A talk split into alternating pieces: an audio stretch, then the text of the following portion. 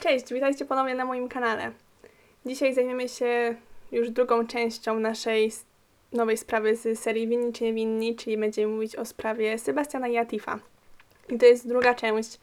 Pierwsza część będzie gdzieś tutaj dam linka do niej, żebyście mogli obejrzeć, jeżeli jej jeszcze nie widzieliście. I skoro już tu jesteśmy, to oczywiście jak zawsze chciałabym Wam przypomnieć, żebyście obserwowali moje social media, Twitter, Instagram.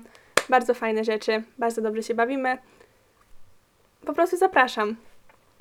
I oczywiście obserwujcie też mój kanał na YouTubie. Mam nadzieję, że będziemy się razem dobrze bawić. A jeżeli już go obserwujecie, to dziękuję i mam nadzieję, że miło spędzamy razem czas. A teraz, żeby nie przedłużać, przejdźmy już do filmu, bo będzie dość długi, z tego co mi się wydaje. I mam nadzieję, że będzie długi. Na początku przypomnę Wam, o czym mówiłam ostatnio, żebyśmy wszyscy byli na jednej stronie, żeby każdy o wszystkim pamiętał i żeby nie było żadnych niedociągnięć. Więc ostatnio mówiłam o młodości Sebastiana i Atifa, mówiłam jakimi osobami byli Sebastian i Atif. Z tego co wyczytałam w internecie, to Sebastian był bardzo skupiony na sobie, był arogancki, trochę bezczelny. Ogólnie niezbyt dużo ludzi go lubiło. Z kolei Atif był bardziej skupiony na nauce i bardziej rozsądny, jednak on i Sebastian tworzyli naprawdę zgraną paczkę przyjaciół, a było ich dwóch. Oczywiście mówiłam też o samej sprawie, czyli o tym, że rodzina Rafejów została zamordowana i o tym, jak później śledztwo zaczęło skupiać się na Sebastianie i Atifie. Skończyłam na tym, że kanadyjska policja sama zaczęła śledztwo przeciwko Sebastianowi i Atifowi i wtedy założyli swoją akcję pod kryptonimem Mr. Big. Polegała ona na tym, że funkcjonariusz policji pod przykrywką starał się zbliżyć i zaprzyjaźnić z Sebastianem, żeby później uzyskać od niego przyznanie się do winy. Tamta część skończyła się w momencie, kiedy Sebastian już się spotkał z funkcjonariuszem policji Garym, który udawał bossa mafijnego.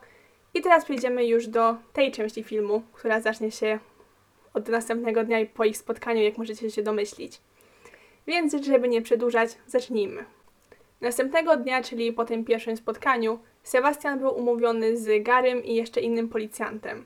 Na swoje pierwsze spotkanie oczywiście musieli wybrać coś dość obscenicznego i mówiącego jesteśmy mafią i mamy pieniądze, więc był to klub ze striptizem. Mężczyzna, ten, który nie był Garym, tylko ten drugi policjant, powiedział Sebastianowi, że ma pieniądze na film, ale Sebastian będzie musiał sobie na to zarobić. To znaczy Sebastian będzie po prostu musiał zdobyć jego uznanie czy coś w tym rodzaju. Pierwszym zadaniem Sebastiana było przetransportowanie skradzionego samochodu z punktu A do B i mężczyzna zapłacił mu za to 200 dolarów. Oczywiście ten samochód nie był skradziony, po prostu policjanci udawali, że taki był, a Sebastian naprawdę w to wierzył.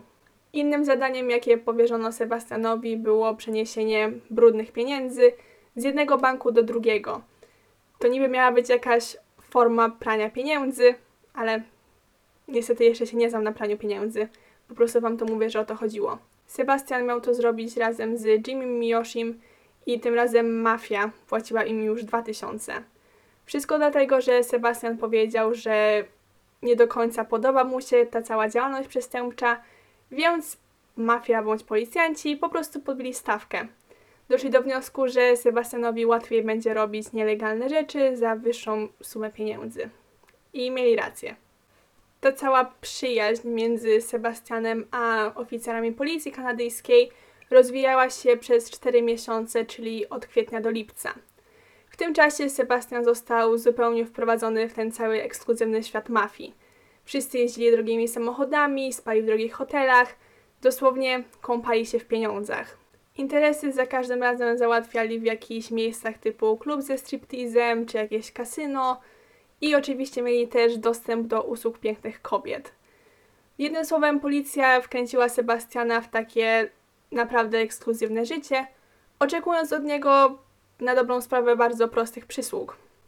W zasadzie policja tutaj była takim Massimo z 365 dni, a Sebastian był tą laską, która w końcu się w nim zakochała. Tym czasie, kiedy Sebastian robił te mało szkodliwe przysługi, jak na przykład przewiezienie samochodu, które na dobrą sprawę nawet nie jest kradzieżą, Gary od czasu do czasu dawał mu takie poszlaki, że są naprawdę potężną mafią i robią naprawdę złe rzeczy.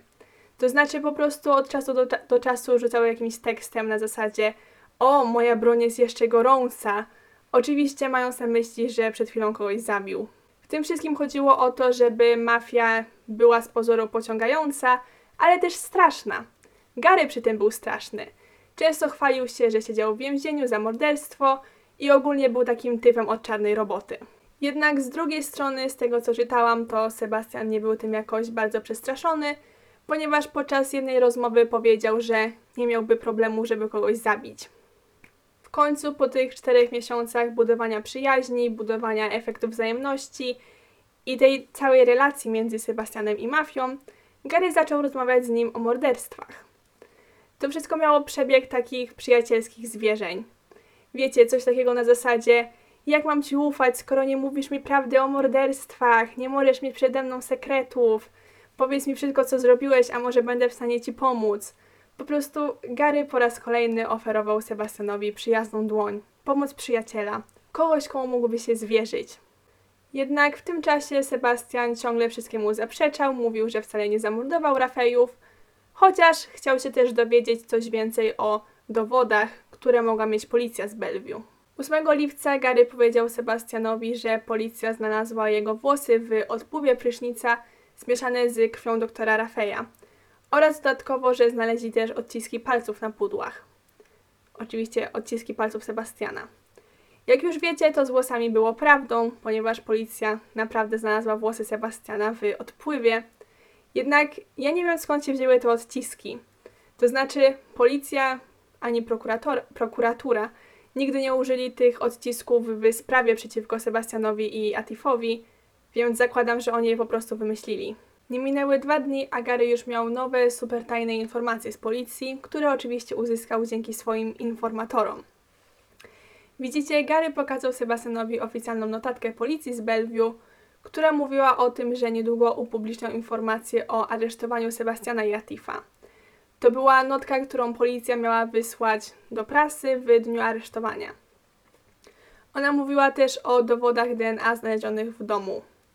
Powiedziałam, że notatka była oficjalna, ale to była tak naprawdę zupełnie fałszywa wiadomość, którą policja kanadyjska sfabrykowała. Ani kanadyjska policja, ani amerykańska policja nie miała żadnych dowodów, żeby aresztować Atifa i Sebastiana. A ta notatka, co jest potwierdzone, była zupełnie fałszywa. Ona miała służyć tylko i wyłącznie temu, żeby przestraszyć Sebastiana. Sebastian po raz kolejny zaprzeczył, żeby miał cokolwiek wspólnego z morderstwem i podał też niewinne wyjaśnienie na obecność swojego DNA w domu. To znaczy, mieszkał tam przez 5 dni. To nie byłoby szczególnie nadzwyczajne, gdyby w domu znaleziono jego DNA. W końcu tam mieszkał. Jestem pewna, że u mnie w domu jest DNA moje, moich rodziców i mojej siostry i mojego psa. Mimo to Sebastian powiedział też, że jest trochę zaniepokojony, że policja może podłożyć dowody, żeby wrobić go w morderstwo. W związku z tym zgodził się przyjąć pomoc od Garego i mafii na wypadek, gdyby policja naprawdę miała go aresztować. Pomysł był taki, że organizacja zniszczy dowody, więc policja nie będzie miała nic na Sebastiana i Atifa. Gary powiedział też, że Sebastian będzie musiał podać więcej szczegółów morderstwa, jeżeli ma uzyskać pomoc. I oczywiście powiedzieć prawdę, czyli w domyśle powiedzieć, że to on i Atif zabili Rafejów. Z tego powodu Gary stwierdził, że 11 lipca Sebastian będzie musiał spotkać się z szefem mafii, czyli Mr. Bigiem, który pomoże mu oczywiście z dowodami, jednak właśnie będzie potrzebował przyznania się do winy Sebastiana, żeby mieć pewność, że może mu ufać. W ogóle to jest dość ciekawa historia, jak oglądałam taśmy winy na Netflixie, to w jednym z tych swoich wywiadów detektyw Thompson powiedział, że Sebastian musiałby być naprawdę wielkim mitoma mitomanem, żeby myśleć, że policja będzie podkładać dowody, żeby go aresztować. A później dosłownie w, w następnej scenie chwalił się tą notatką prasową, która była fałszywa i była w zasadzie fałszywym dowodem. W każdym razie 11 lipca Sebastian wreszcie spotkał się z tymi wszystkimi policjantami, w pokoju hotelowym, oczywiście całym naszpikowanym kamerami. Na początku znowu zaprzeczył, że miał cokolwiek wspólnego z morderstwem, powiedział, że jest niewinny, jednak w końcu te wszystkie miesiące manipulacji i zwodzenia go opłaciły się policji. Sebastian powiedział, że on i Atif zabili Rafejów, a motywem były oczywiście pieniądze. Chcieli być bogaci i mieć więcej możliwości w życiu. Oczywiście Gary nie był głupi, był wręcz bardzo inteligentny, Więc z tego powodu zadał Sebastianowi dużo dodatkowych pytań. To znaczy, żeby mieć pewność, że jego przyznanie się do winy jest prawdziwe. Nie wiem, jak to wyglądało na 100%, bo w internecie nie ma zbyt wiele tych całych urywek z tego przesłuchania. Jednak na jednym z filmów Gary zapytał Sebastiana, zabiliście ich metalowym czy drewnianym kijem, na co Sebastian powiedział, że metalowym. Nie wiem, czy wcześniej rozmawiali na ten temat, ale jeżeli nie rozmawiali, to to jest pytanie naprowadzające. Ponieważ sugeruje, że narzędziem zbrodni był kij baseballowy. Sebastian powiedział też, że później on i Atif wyrzucili ten kij baseballowy przez okno razem z zakrwawionymi ciuchami. Jednak ta odpowiedź nie do końca spodobała się Garemu i zaraz wam powiem dlaczego. Z tego powodu Gary zaczął naciskać na Sebastiana, żeby powiedział prawdę, czyli po prostu sugerował, że jego wersja jest fałszywa i oczekuje innej. Okazało się, że w domu ani w okolicach domu nie znaleziono żadnych zakrwawionych ciuchów, ani tym bardziej zakrwawionego narzędzia zbrodni. Z tego powodu Gary po prostu musiał wyciągnąć od Sebastiana bardziej prawdopodobną wersję wydarzeń. Ostatecznie Gary powiedział wprost, że Sebastian i Atif nie mogli dokonać morderstwa w ubraniach, więc Sebastian zmienił zdanie i powiedział, że w takim razie zrobili to nadzy. Później wzięli prysznic i pojechali do miasta. Mam nadzieję, że uda mi się znaleźć fragmenty tych rozmów na YouTubie, ponieważ one raz są, raz ich nie ma. Oczywiście jak je znajdę, to je wszystkie wrzucę tutaj, a tymczasem staram się Wam to opowiedzieć jak najbardziej szczegółowo. O, i teraz tylko powiem, że jeżeli znajdę te, te fragmenty, to wrzucę je wszystkie tutaj, w tym momencie, po tym jak to mówię, żeby nie było zamieszania przy montażu i żebym też nie musiała tak bardzo szukać, żeby znaleźć to, o czym mówiłam i wtedy wkleić ten fragment. Po prostu całe przesłuchanie będzie tutaj. I'm one of the most intelligent people in the world. I know you did it. You know you did it. The police know you did it. As far as I know, they're not.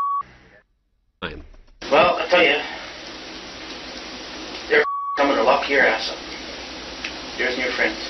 To make it seem real, Hazlitt shows him this phony memo on Bellevue police letterhead detailing the evidence linking Sebastian to the murders. Just read this piece of. Well, I want your help. Now, you need my help. So, you tell me what went on down there, and I'm going to tell you how I'm going to take care of your problem. When you both guys are coupling things, say, hey, let's go off your family and get all their money. Basically. Essentially, yeah. I mean, And How would you do three people at once? uh, I don't watch it when I did that. extremely. Well, that's up to you, man. The next How's it Where- feel where killing your parents and daughter and sister? pretty rotten, but it's tempered by the fact that I felt that it was necessary. Why? It was necessary to, I guess, um, achieve what I wanted to achieve in this life.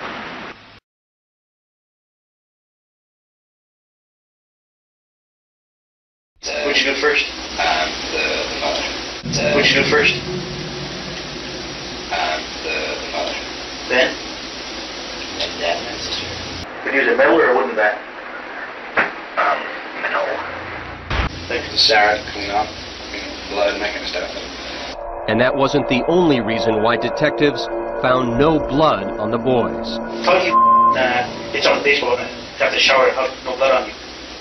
Do it naked. Our money we get, it's like we would invest it in our film, I guess.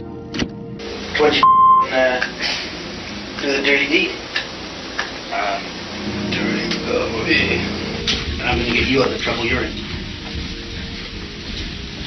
Flattered. Huh? I'm flattered by your attention. What did you do when you were in the house? Took around. Ranked out a VCR. Can't tell you something, like, I, I, you know, I felt like, you know, I was capable. And, like, like, have you ever killed a person? Did you see it happen? Yeah. All three? No, only one. Which one? My mom. Did any of them fight? Um, uh, yeah. Well, that's a story that hasn't really been told because I've been going to um, You can hear a teeth.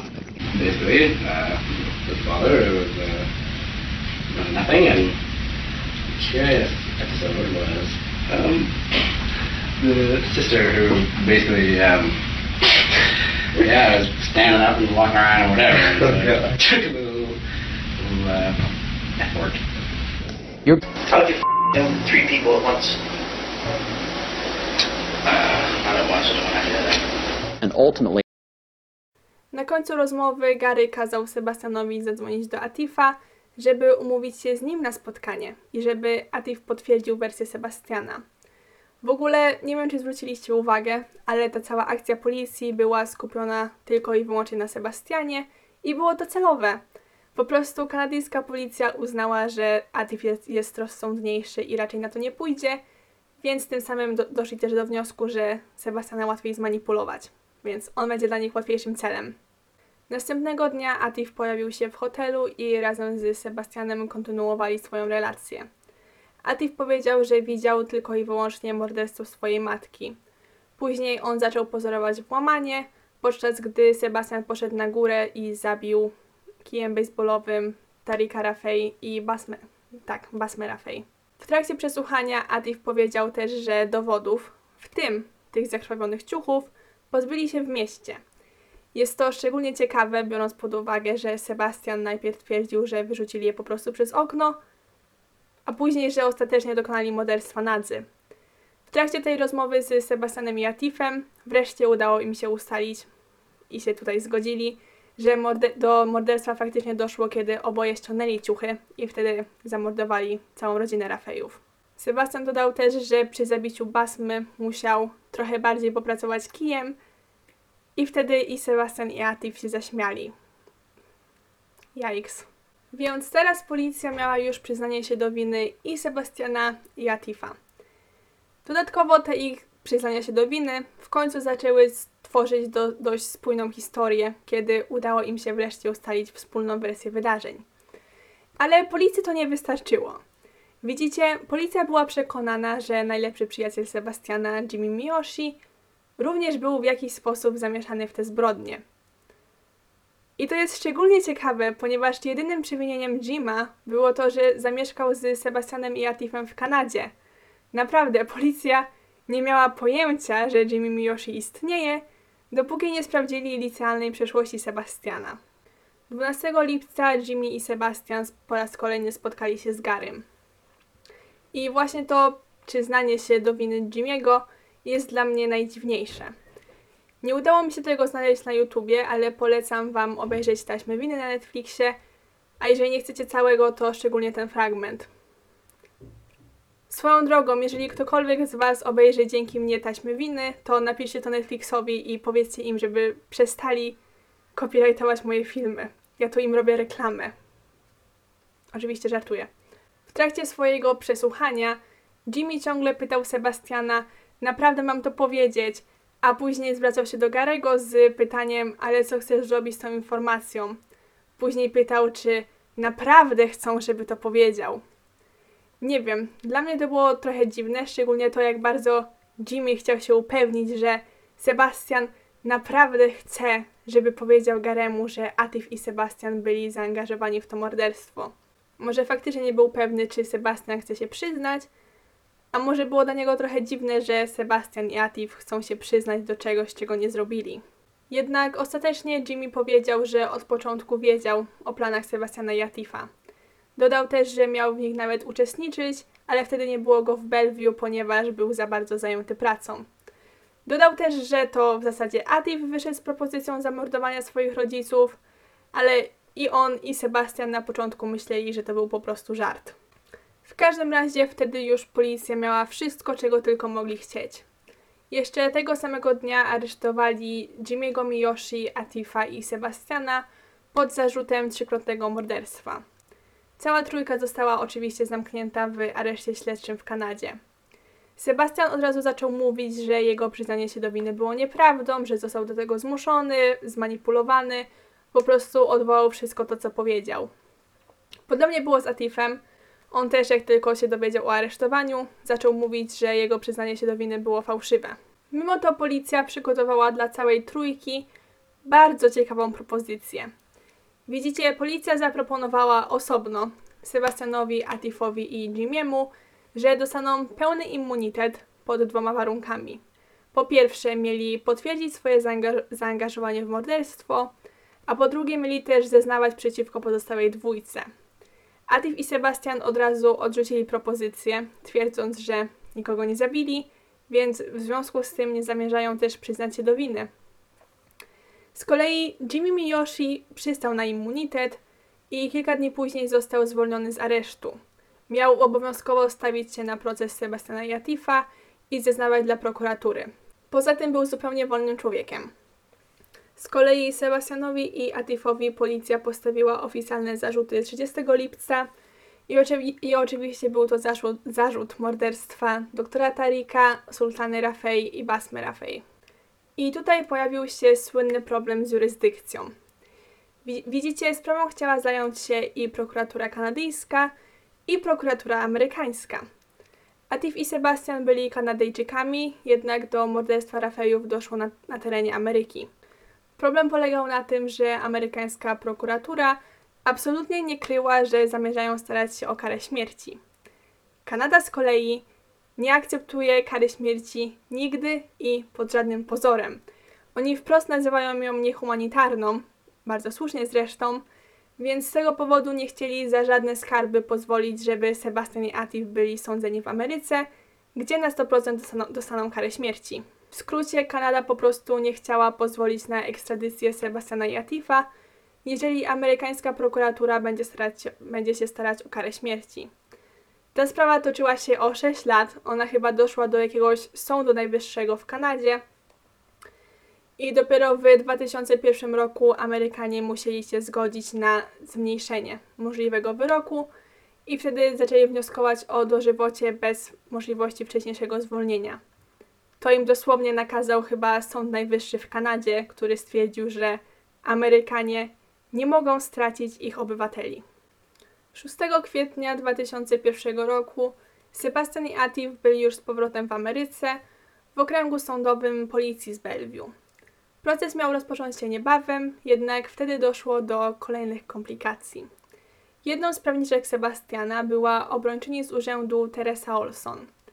Teresa była bardzo zaangażowana w tę sprawę i na 100% wierzyła w niewinność swojego klienta. Ona była absolutnie przekonana, że po pierwsze jest w stanie udowodnić niewinność Sebastiana, a co za tym idzie, będzie też w stanie udowodnić niewinność Atifa. Poza tym była też bardzo oburzona manipulacją kanadyjskiej policji i ich tą całą operacją Mr. Big. Teresa dotarła do ekspertów, którzy po przeanalizowaniu taśm winy stwierdzili, że Sebastian i Atif, a szczególnie Sebastian, podczas rozmów z mafią przechwalali się, żeby im zaimponować. Zdaniem ekspertów Sebastian po prostu chciał przypodobać się swoim, swoim nowym przyjaciołom z mafii, więc dlatego tak nieczule podchodził do wszystkich przestępstw, o, o których mówili.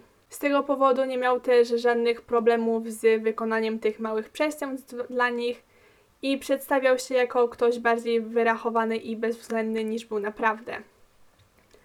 Poza tym eksperci uznali też, że ten lekki ton i śmiechy podczas opisywania morderstw, a szczególnie podczas opisywania tego, jak Sebastian zabił Basmę, nie wynikało z jakichś zaburzeń osobowości albo z tego, że Sebastian i Atif byli po prostu złymi ludźmi, ale z tego, że raczej op- opowiadali historię, którą wymyślili.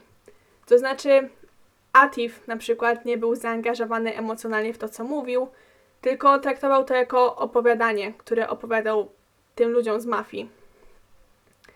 I uwierzcie mi, że nie mówię tego teraz, żeby znowu ich usprawiedliwiać, ale dlatego, że to będzie później istotne.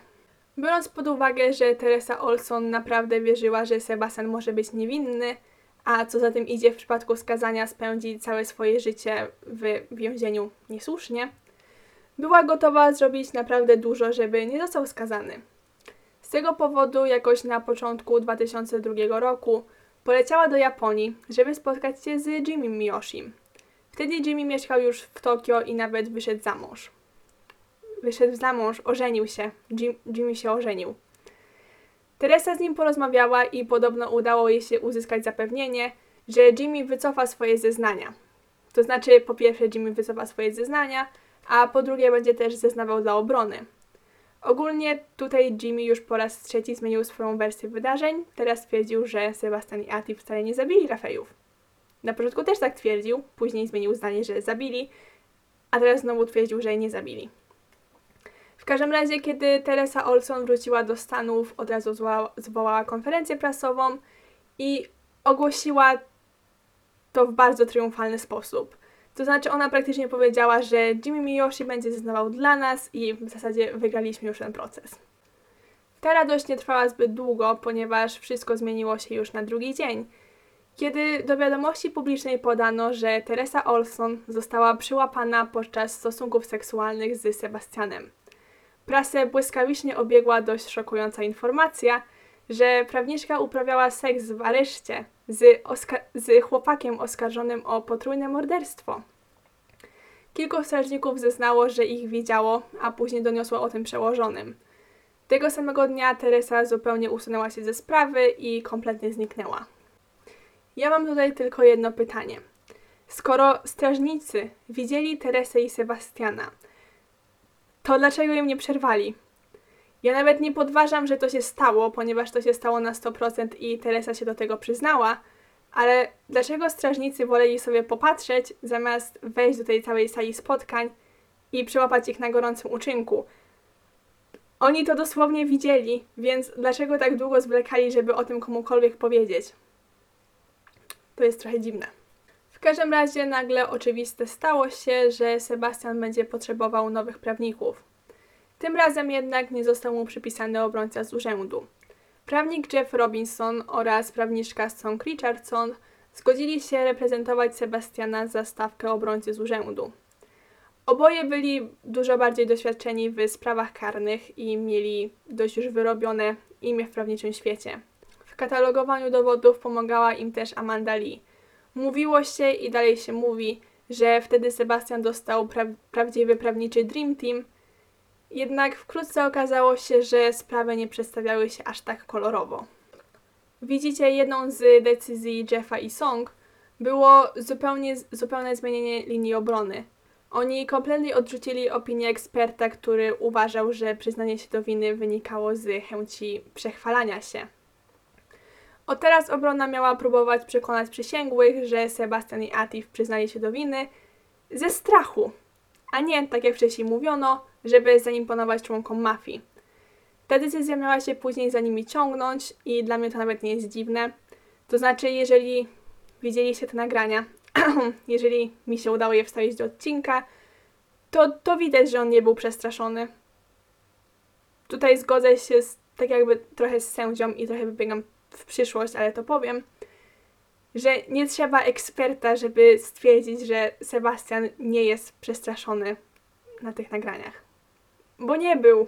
Przygotowanie się do procesu na nowo zajęło kolejne dwa lata, więc kiedy Sebastian i Atif wreszcie stanęli przed sądem, to był listopad 2003 roku. Znaczyło to, że od śmierci całej rodziny Rafejów minęło ponad 9 lat, a Sebastian i Atif świętowali swoje 27 i 28 urodziny. W związku z tym nie byli już chłopcami, jak często o sobie mówili, a szczególnie Sebastian. Jeszcze zanim ruszył proces z ławą przysięgłych, Jeff Robinson i Song Richardson próbowali nie dopuścić do dowodów tych słynnych taśm, taśm winy. Podczas posiedzenia sądu w sprawie dowodów przekonywali, że te nagrania zdobyto techniką nielegalną w Stanach Zjednoczonych i która od kilku lat była nielegalna w Kanadzie. Co więcej, twierdzili też, że Sebastian i Atif zostali zmanipulowani i nie wiedzieli, nie mieli pojęcia, jakie konsekwencje będą miały ich słowa. I właśnie to jest to, co mnie strasznie denerwuje w tej sprawie, ponieważ jakim cudem można mówić tak, że ten proces, że ten, to zdobywanie dowodów było z braku lepszego słowa sprawiedliwe, jeżeli oni nawet nie wiedzieli, że mogą zachować milczenie i wszystko, co powiedzą, zostanie użyte przeciwko nim. Wiem, że o tym już mówiłam, ale powtórzę to po raz kolejny. Mimo to sędzia Mertel dopuścił nagrania do dowodów. Powiedział, że zostały one zdobyte przez kanadyjskich policjantów, którzy działali zgodnie z prawem, a przynajmniej zgodnie z obowiązującym wtedy pr- prawem. Dodał też, że kanadyjski, kanadyjscy policjanci faktycznie manipulowali, grozili i zastraszali, zastraszali Sebastiana, jednak wszystkie te zagrywki były w porządku. I to był pierwszy punkt dla pro- prokuratury. Sędzia Mertel uznał też, że obrona nie będzie mogła przedstawić alternatywnych podejrzanych. Jak pamiętacie, albo nie pamiętacie, ja wam teraz przypomnę, w trakcie śledztwa z morderstwem Rafejów wiązano organizację FUKRA, która była organizacją terrorystyczną, oraz dwie inne grupy terrorystyczne. Mimo to sędzia tłumaczył swoją decyzję tym, że w przypadku alternatywnych podejrzanych musi zaistnieć jakieś prawdopodobieństwo, że to oni są sprawcami. To znaczy, chyba chodziło o to, że muszą być jakieś dowody. Jednak nie rozumiem, jak obrona miałaby zdobyć te dowody, jeżeli detektyw Thompson zupełnie zignorował te tropy i nawet ich nie sprawdził. Może byłyby, gdyby detektyw Thompson wykonał swoją pracę poprawnie. I to był drugi punkt dla prokuratury. Żeby było jeszcze lepiej, sędzia Mertel stwierdził, że obrona nie będzie mogła powołać żadnych ekspertów od tych wymuszonych czy tam fałszywych zeznań. Uzasadnił to tym, że skoro obrona twierdzi, że Sebastian był przestraszony, już o tym mówiłam, to ława przysięgłych jest w stanie ocenić, czy ich zdaniem na nagraniu Sebastian był przestraszony. I to był ten trzeci punkt dla prokuratury. Pierwszy dzień procesu wypadł na listopad 2004 roku. Niestety nie znalazłam zbyt wielu informacji na temat tego procesu i nie ma też zbyt wielu nagrań w internecie, ale mimo to postaram się Wam przekazać wszystko to, co mi się udało znaleźć. Na pewno przedstawię podstawowe punkty obrony i prokuratury, jednak pamiętajcie, że wszystkie informacje, którymi dysponuję, to są informacje, które znalazłam w internecie, więc nie, nie wyczaruję nic nadzwyczajnego. Jednak ważne jest, żebyście pamiętali, że to prokuratura miała udowodnić winę. Obrona nie musiała nic udowadniać, wystarczyło, żeby wykazali wątpliwość. Prokurator Ja- James Conrad zaczął oczywiście od motywu. Powiedział przysięgłym, że Sebastian i Atif zabili tylko i wyłącznie dla pieniędzy. Byli rozpieszczonymi i bezczelnymi nastolatkami z manią wielkości, którzy wymyślili sobie, że pozbawią życia Basmy Sultana, oraz doktora Rafeja tylko i wyłącznie po to, żeby zdobyć trochę pieniędzy. To był ich jedyny motyw. Oni, Atif stwierdził, że zabije całą swoją rodzinę, żeby dostać te 100 tysięcy z ubezpieczenia. Do, dodatkowo James Conrad dodał też, że ich drugim motywem mogła być po prostu chęć udowodnienia sobie, że potrafią, że potrafią zabić i potrafią zmienić policję. Zmienić policję. Tutaj oczywiście podpierał się niczem i w związku z tym malował Sebastiana i Atifa po prostu jako takich dwóch raskolnikowów. Później James przeszedł do alibi.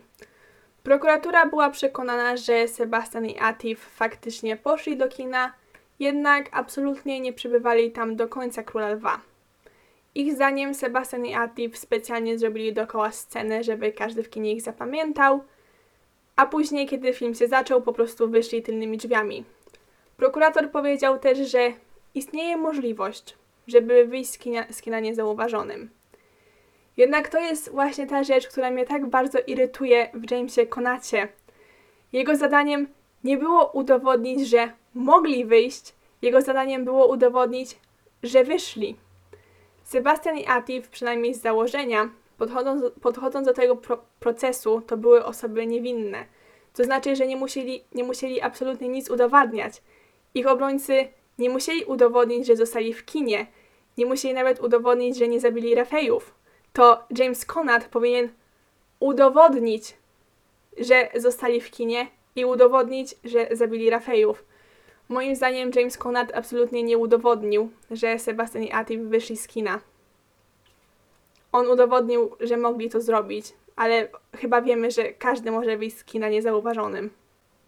Po swoim genialnym podważeniu alibi, James Conrad przeanalizował timeline. Z jego obliczeń wynikało, że Sebastian i Atif potrzebowali 15 minut, żeby przyjechać z Seattle do domu Rafejów. Na policję zadzwonili 18 minut po tym, jak wyruszyli w drogę powrotną, więc to dawało im około 3 minuty na miejscu zdarzenia. Prokuratura wysunęła teorię, że nie mogliby obejrzeć domu i zorientować się, co się stało w 3 minuty. Ostatecznie jednak to był lepszy moment dla obrony. Kiedy przyszedł czas na przedstawienie wersji Sebastiana Jatifa, adwokatka Son- Song Richardson wstała i spojrzała na zegarek.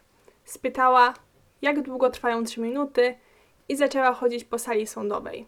Przechadzała się przez jakiś czas i od czasu do czasu spoglądała na zegarek. W końcu spojrzała na ławę przysięgłych i powiedziała coś na zasadzie nie minęło nawet półtorej minuty. Wstawię tutaj ten filmik, jeżeli go znajdę, bo to jest piękne zagranie. How long does it take to walk into a house and see these two brutally butchered bodies of a thief's family and then run downstairs and call 911? and turn the prosecution's argument on its head. How long is three minutes? Well, let's see.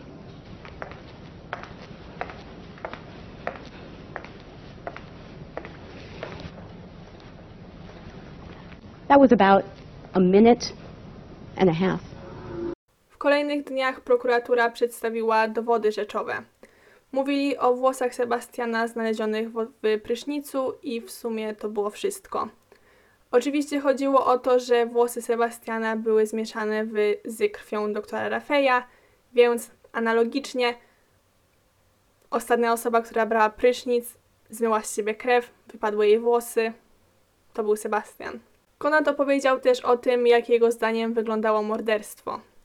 Zdaniem prokuratury i zgodnie z tym, co powiedzieli Sebastian i Atif, Sebastian zabił całą rodzinę kijem baseballowym, podczas gdy Atif siedział na, w salonie. W międzyczasie upozorował też to całe włamanie, czyli po prostu poprzewracał pudła i zabrał nagrywarkę WHS. Już po wszystkim Sebastian wziął prysznic, a później wspólnie z Atifem pojechali do miasta. W tym czasie pozbyli się też kija baseballowego, to znaczy w jakimś koszu na śmieci w mieście, ale szczerze wątpię, żeby policja kiedykolwiek spróbowała znaleźć to narzędzie zbrodni. W trakcie procesu prokuratura próbowała się też powołać na jedną z przyjaciółek Sebastiana i Atifa ze szkoły. Problem polegał na tym, że oni nigdy wcześniej nie, nie mówili o tym, że ona w ogóle ma ze- zeznawać, więc z tego powodu sędzia Mertel nie był nawet na to przygotowany. W związku z tym powiedział, że najpierw chce wysłuchać jej zeznania bez ławy przysięgłych i wtedy zadecyduje, czy to jest rzecz, którą mogą przedstawić ławy przysięgłych. Kobieta powiedziała sędziemu, że podczas jednej z imprezy Sebastian powiedział coś na zasadzie chciałbym kiedyś spróbować kogoś zabić. Sebastian przyznał się, że to powiedział, ale utrzymywał, że to był po prostu taki luźno rzucony komentarz. To znaczy, zdaniem Sebastiana, on, Atif i ta koleżanka już po imprezie gdzieś sobie siedzieli razem, rozmawiali o życiu i wtedy Sebastian powiedział: Ho, chciałbym zobaczyć, czy kiedyś byłbym w stanie kogoś zabić. No cóż, to trochę tak brzmi jak luźno rzucony komentarz, biorąc pod uwagę, że teraz w internecie dyskutuje się o tym, w jaki sposób najlepiej chciałabyś się pozbyć ciała. To, to są pytania na Twitterze, które się pojawiają. Ostatecznie sędzia Mertel nie dopuścił tych zeznań do dowodów, jednak powiedział, że robił to tylko i wyłącznie dlatego, że prokuratura nie powiedziała o nich wcześniej. Ale strata akurat tej świadkini nie była szczególnie istotna dla prokuratury, ponieważ oni mieli swojego asa w rękawie.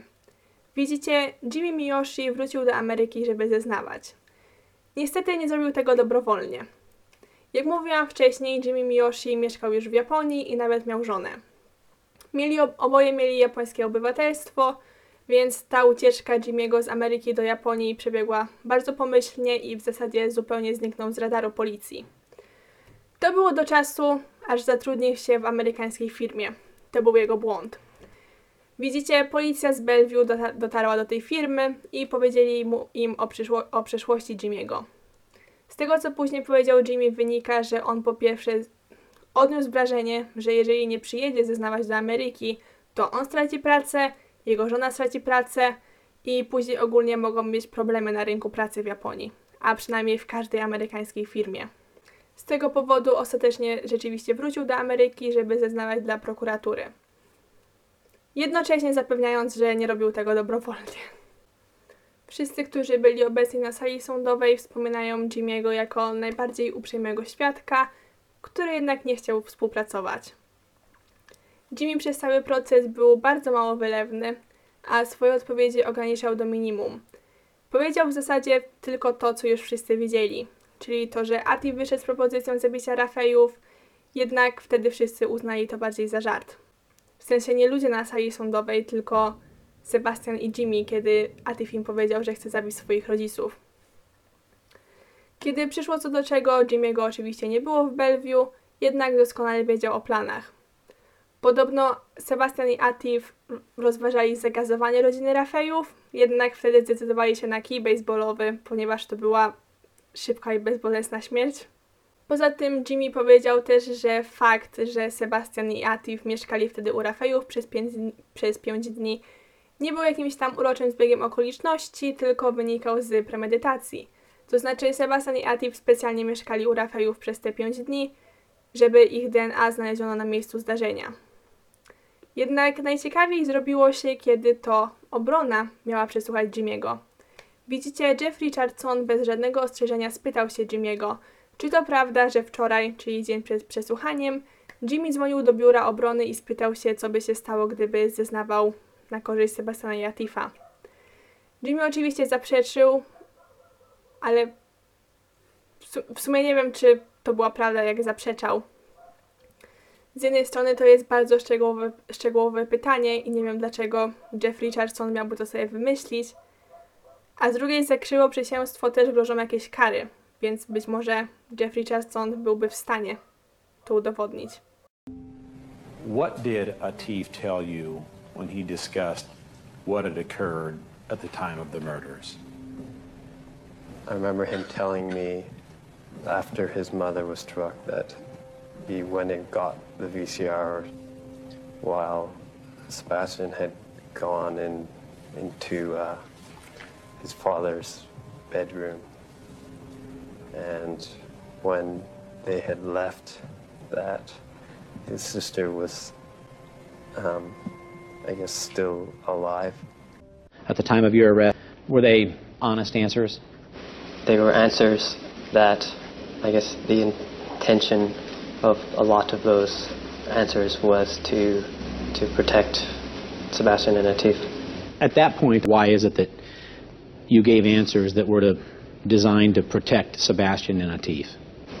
I guess it was also in a way to protect myself, um, but in general, because I didn't want Sebastian and Atif to get whatever arrested and potentially convicted.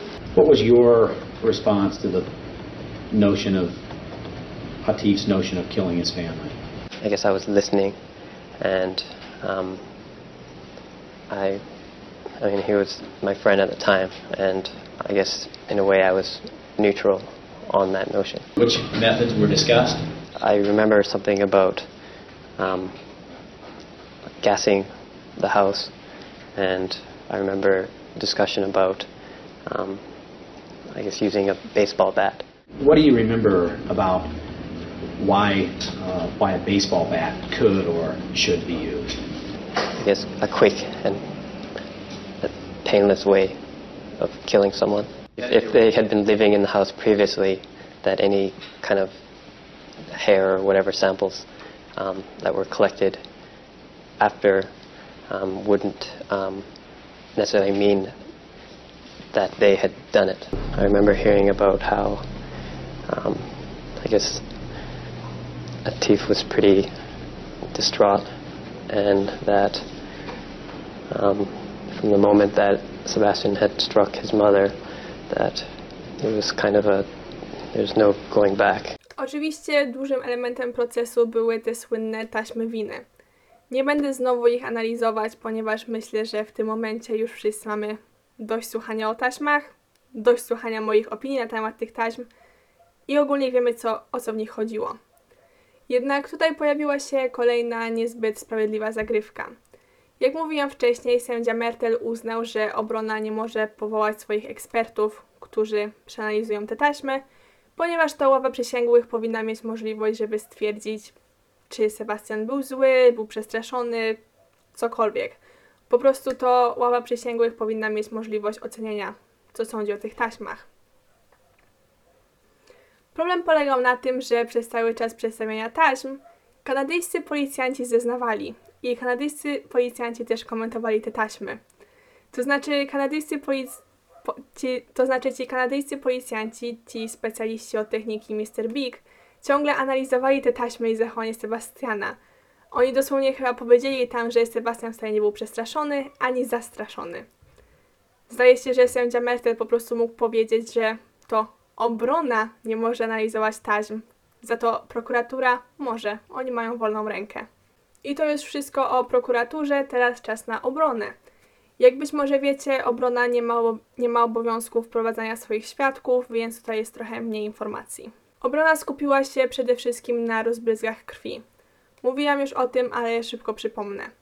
W sypialni doktora Rafeja na ścianie jakby odbił się ślad nieruchomej sylw sylwetki i w tym samym czasie ktoś wysunął doktorowi Rafejowi poduszkę spod głowy. Z tego powodu obrona powiedziała, że na miejscu zdarzenia musiały być trzy osoby. Jedna osoba, która zabiła doktora Rafeja, druga, która stała w bezruchu i trzecia, która podczas morderstwa wysunęła mu poduszkę spod głowy. Dodatkowo, jeżeli Atif obserwowałby morderstwo swojego ojca, to później on też musiałby wziąć prysznic, a w odpływie nie było jego włosów. I ani razu nikt nie powiedział, żeby Atif brał prysznic. Jeżeli chodzi o dowody rzeczowe, to obrona zwróciła też uwagę, że na łóżku doktora Rafeja znaleziono włos, który nie należał ani do Sebastiana, ani do Atifa. Oczywiście obrona też bardzo wyraźnie, wyraźnie zaznaczyła, że technika Mr. Big była po prostu skomplikowaną manipulacją, która miała za, za, za zadanie tylko i wyłącznie zmanipulować Sebastiana, żeby przyznał się do winy. Co więcej, technika ta została wymierzona w nastolatka, który był zupełnie demonizowany przez media, media i w bardzo trudnej sytuacji życiowej. Plus, i o tym mówiłam też wcześniej, obrona podkreśliła też te wszystkie nieścisłości między zeznania, zeznaniami Sebastiana Jatifa, częste zmienianie wersji wydarzeń, ogólne, ogólnie te wszystkie nieścisłości w przyznaniu się do winy. Moim zdaniem obrona nawet dawała sobie radę, biorąc pod uwagę, że, cytując Sebastiana, bronili się ze związanymi rękami. To było do momentu, aż Sebastian postanowił zeznawać. Nie ma wiele informacji na ten temat, ale te, które znalazłam, wystarczająco go pogrążają. Widzicie, w trakcie przesłuchania prokurator wyciągnął bardzo ciekawą informację z przeszło przeszłości Sebastiana. Kiedy Sebastian miał 16 lat, rozbił samochód swoich rodziców na parkingu. Jednak zamiast się przyznać, postanowił wprowadzić pewną mistyfikację. To znaczy, Sebastian pozbierał wszystkie dowody, nie wiem, pewnie jakieś fragmenty samochodu, i pojechał na parking przed kinem. Tam zostawił samochód i poszedł na film. Chodziło o to, żeby policja pomyślała, że samochód roz został rozbity, kiedy Sebastian był w kinie. Ten powtarzający się schemat, widzicie go? Sebastian potwierdził, że ta historia była prawdziwa, ale dodał też, że różnica polega na tym, że wcześniej chodziło o samochód, a tutaj chodzi o morderstwo. Powiedział też, że różnica jest taka, że wcześniej rzeczywiście to zrobił, a teraz jest niewinny. To, to brzmi tak źle. You got into a, a, a car collision, didn't you? Yes, Uh, you were driving your family car at the time. that's correct, yes. And you hit a pole in a parking lot. Did you own up to it at the time? No, I did not. Albeit with this stupid little car crash. What you decided to do was to pick up the pieces of evidence that were at the scene of this collision. Am I right? Correct. You put those back in your car. Am I correct? Correct. You took them to an entirely different location in North Vancouver. Am I right? Correct. And uh, you staged a scene in a parking lot. Am I right? Basically.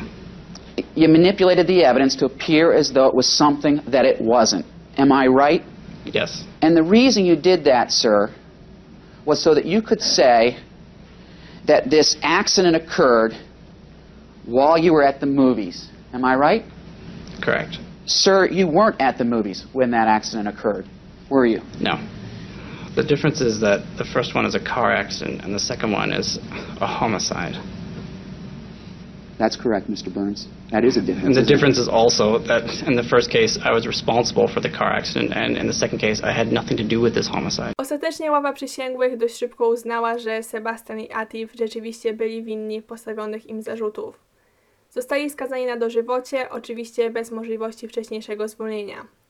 W swojej mowie końcowej Sebastian był wściekły.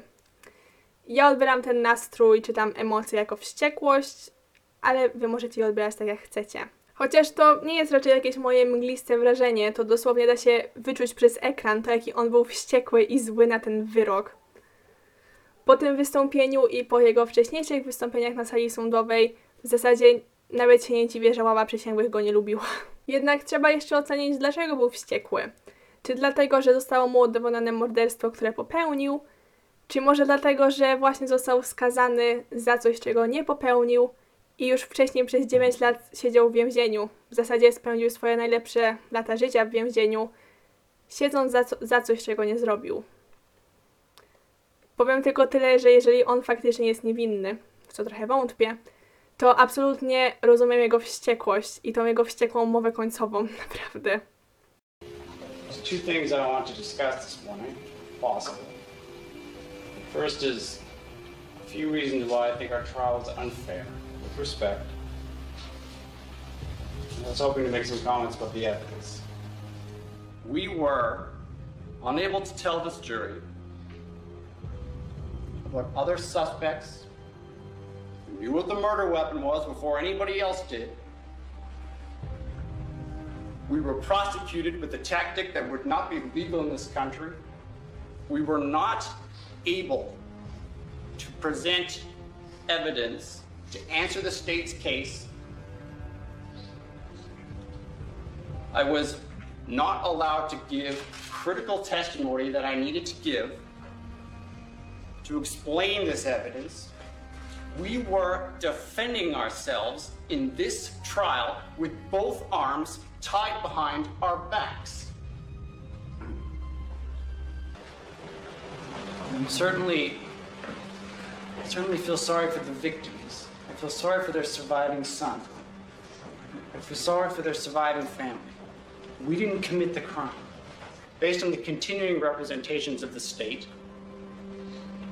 and the news media, it seems that the principal other piece of evidence against us is, is arrogance, our arrogant personalities.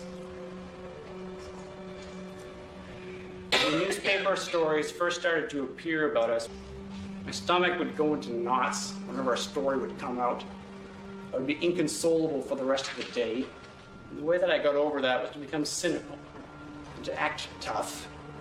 And it's the same way I got over not being able to go to school, or work, or have public life. We're about to be sentenced for a crime we didn't commit, unless somebody does something to stop it. Your Honor, that's all I have to say. Z kolei Atif w swojej mowie końcowej sprawiał bardziej wrażenie smutnego i pokonanego, jednak on też podtrzymał, że był niewinny. I want to thank Your Honor for the opportunity of speaking. Today is a day of anguish for me. It's not the first. I want to insist today on the truth that we are innocent, and I loved my parents. I revere their memory to this day. I can't convey to you the mortification that I felt over the course of this trial, the lie that we told, the masks that we put on, the masks that we put on to survive a, a situation, an appalling, atrocious situation. I'm tormented by the thought that I have been manipulated somehow into contributing to the fact that my parents' killers to this day walk with impunity, that their murders have never been properly investigated. The loss of my parents devastated me, left me utterly bereft. I didn't know how to construct, reconstruct my life in the mo- weeks and months that followed. When I say I loved my parents, I don't mean that I felt merely the filial affection that every child, I'm sure, feels for their parents. I mean that I truly admired my father, his brilliance, his learning, his sincere pleasure in every opportunity and generosity. I was probably closer to my mother than to any other person that I ever will be. And the memory of her wit and her charm and her keen human sympathy, they're dear to me to this day. And, and they'll be vivid to everyone who knew her, including some of my friends. I consider having my family the greatest of privileges. They're with me in my memory today. I'm going to continue to struggle for the truth in this case of our innocence because I won't betray their hopes for me or their expectations of me, which I'm proud to say that they have of me. I'd like to thank this. Niestety w tej sprawie nie ma już innych zwrotów akcji. Sebastian wykorzystał już swoje wszystkie apelacje i dwie z nich napisał sam. To, że on napisał swoje apelacje bez, żadnej, bez żadnych umiejętności prawniczych, dość poetycko podsumowuje jego charakter, szczerze mówiąc. Z tego co wiem, to Atif ma jeszcze jedną apelację, którą przygotowuje od kilku lat. Ogólnie w więzieniu Atif radzi sobie relatywnie dobrze, ostatnio nawet się ożenił i też publikuje jakieś artykuły filozoficzno-naukowe. O Sebastianie wiadomo nieco mniej. Jego ojciec powiedział, że jest nawet ok, ale Sebastian 10 lat spędził w kompletnym odosobnieniu, co po sprawie Damienia Ecolsa potrafię sobie wyobrazić, jaki to ma wpływ na człowieka. Ale teraz przejdźmy do podsumowania i zastanówmy się, czy Sebastian i Atif są winni czy niewinni. A może czy zostali słusznie skazani, ponieważ to, czy są winni czy niewinni, zdaje się, że wymaga trochę lepszego śledztwa policyjnego. Jeżeli chodzi o skazanie, to sprawa jest chyba oczywista. Gdyby nie te taśmy, to ani kanadyjska policja, ani amerykańska policja nie byłaby w stanie ich skazać. Przed tymi taśmami oni nawet nie mieli żadnych dowodów, żeby ich aresztować, a co dopiero postawić przed sądem i rzeczywiście skazać. To znaczy, ja rozumiem, że używanie techniki Mr. Big było wtedy w Kanadzie legalne, ale warto zwrócić uwagę, że jeszcze tylko przez dwa lata. I też wiem, że prawo nie działa wstecz, ale to tylko pokazuje, jak moralnie ambiwalentna była ta technika. Jestem pewna, że się powtarzam, ale praktycznie zmuszenie kogoś do przyznania się do winy, kiedy nie jest świadomy, że jego słowa zostaną użyte przeciwko niemu, zupełnie nie chroni obywatelów przed nadużyciami policji. A teraz mamy w kraju raczej nastroje negatywne, jeżeli chodzi o policję. Ja osobiście jestem pewna i chyba nie mam żadnych, żadnych wątpliwości, żeby, że gdyby ktoś wysoko postawiony z dostępem do tajnych policyjnych informacji powiedział mi, że policja ma dowody, żeby mnie skazać, a ja wiedziałabym, że policja się mną interesuje, chociaż jestem niewinna, to chciałabym współpracować z tą osobą, która chce mi pomóc. Nawet gdyby ta osoba powiedziała, ok, ale powiedz mi prawdę, a prawdą jest, że to zrobiłaś, to jestem jak, ok, zrobiłam to, a teraz pozbądź się tych dowodów, bo nie chcę pójść do więzienia na resztę życia. Skoro policja już się posunęła do tego, żeby podrzucić dowody, które mnie oskarżą. Mam, nadzieję, że rozumiecie mój tak myślenia. Więc może wróćmy do pytania, czy oni są winni, czy może niewinni. Na pewno w tej sprawie jest bardzo dużo dziwnych zbiegów okoliczności. Z jednej strony, jakie jest prawdopodobieństwo, że w przeciągu tam kilku tygodni dostaniemy trzy anonimowe doniesienia o tym, że różne te organizacje terrorystyczne chcą zaatakować rodzinę z Pakistanu, która mieszkała w Kanadzie i która niedawno przeniosła się z Kanady do Bellevue. Są takie specyficzne informacje, które pojawiły się tak blisko tego morderstwa, że to jest naprawdę dziwny zbieg okoliczności. Znowu, te doniesienia pojawiły się zanim Amerykanie zaczęli mieć obsesję na punkcie terroryzmu, więc one w zasadzie nie zostały sprawdzone. Moim zdaniem te doniesienia były dość przekonujące, więc chciałabym, żeby policja im się bliżej przyjrzała. I na pewno gdyby główny detektyw w sprawie nie był tak skupiony na tym, żeby udowodnić winę Sebastianowi Atifowi, to być może policja by naprawdę im się przyjrzała i wtedy byłoby nam łatwiej ocenić, czy oni to zrobili, czy nie. Z drugiej strony to alibi Sebastiana Atifa. Jakie też jest prawdopodobieństwo, że wcześniej użyjesz alibi, że byłeś w kinie bądź byłaś w kinie, kiedy doszło do jakiegoś przestępstwa, a później, kiedy pojawia się jedyne przestępstwo w twoim, życiu, poważne przestępstwo, twoim alibi przypadkowo akurat jest też to, że jesteś w kinie. To znaczy, to jest naprawdę podejrzane, że jedyną luką czasową, w której oni mogliby popełnić to morderstwo, jest ten czas, kiedy byli w kinie. Biorąc pod uwagę przeszłość Sebastiana, nie możemy mieć pewności, że wyjście do kina było absolutnie niewinne. Być może Sebastian wiedział, że takie bycie w kinie działa, więc dlatego zaproponował Atifowi, że to może być ich alibi. W ogóle na jednej stronie, która pisała o tym, że Sebastian i Atif są niewinni, znalazłam taką listę pięciu pytań, na które odpowiedź miała niby sugerować, że na 100% są niewinni. I tam jednym z tych pytań było, że jakim cudem Sebastian i Atif mogli popełnić to morderstwo, jeżeli na miejscu zdarzenia były trzy osoby. To jest, to jest dość proste. Trzecią osobą mógł być Jimmy Miyoshi. On jest bardzo zaangażowany w tę sprawę i mam wrażenie, że wie więcej niż mówi. Kolejnym tym pytaniem było, jak Atif i Sebastian mogli zmylić policję, jeżeli byli tylko 18-latkami.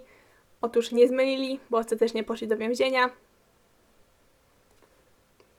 Nie przekonały mnie te pytania.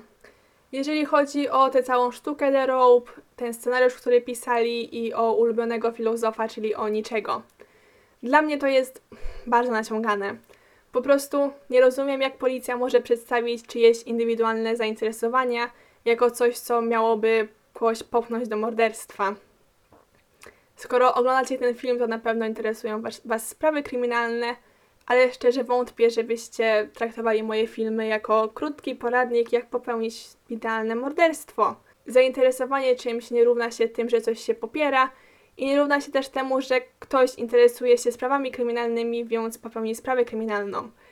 Jeżeli Sebastian i Atif czytaliby Pascala, to byliby równie podejrzani. Nie wiem, chodzi o czytanie niczego, czy chodzi o czytanie filozofii. Ja po prostu chciałabym, żeby w tej sprawie, jak i w wielu innych sprawach, odbył się zwyczajny, sprawiedliwy proces. W zasadzie uważam, że Sebastian i Atif mogą być winni, ale chciałabym też, żeby zostali skazani w uczciwym procesie. Dla mnie proces z wykorzystaniem tych całych taśm winy jest w zasadzie bez, bezużyteczny. Ile ja razy powiedziałam proces. Ale to by było na tyle, jeżeli chodzi o dzisiejszy film. W komentarzach napiszcie, co sądzicie o tej sprawie, napiszcie, co sądzicie o Sebastianie, co sądzicie o Atifie, co sądzicie o wyroku, czy sądzicie, że byli winni, czy byli niewinni. Po prostu wypowiedzcie się. Mam nadzieję, że się wypowiecie, ponieważ bardzo mnie interesuje Wasza opinia. Jak zawsze, ale w tym temacie szczególnie, bo wszyscy najbardziej lubimy spekulować na, na temat czyjejś winy. To nas łączy na tym kanale. No i to wszystko. Następna sprawa to będzie albo Aaron Hernandez, albo te nieszczęsne feminatywy, które mi czasami wypominacie. Niektórzy mi wypominają feminatywy. Więc nagram o nich cały film. Żeby więcej ludzi mnie odsubskrybowało. No. Więc do zobaczenia w następnym filmie.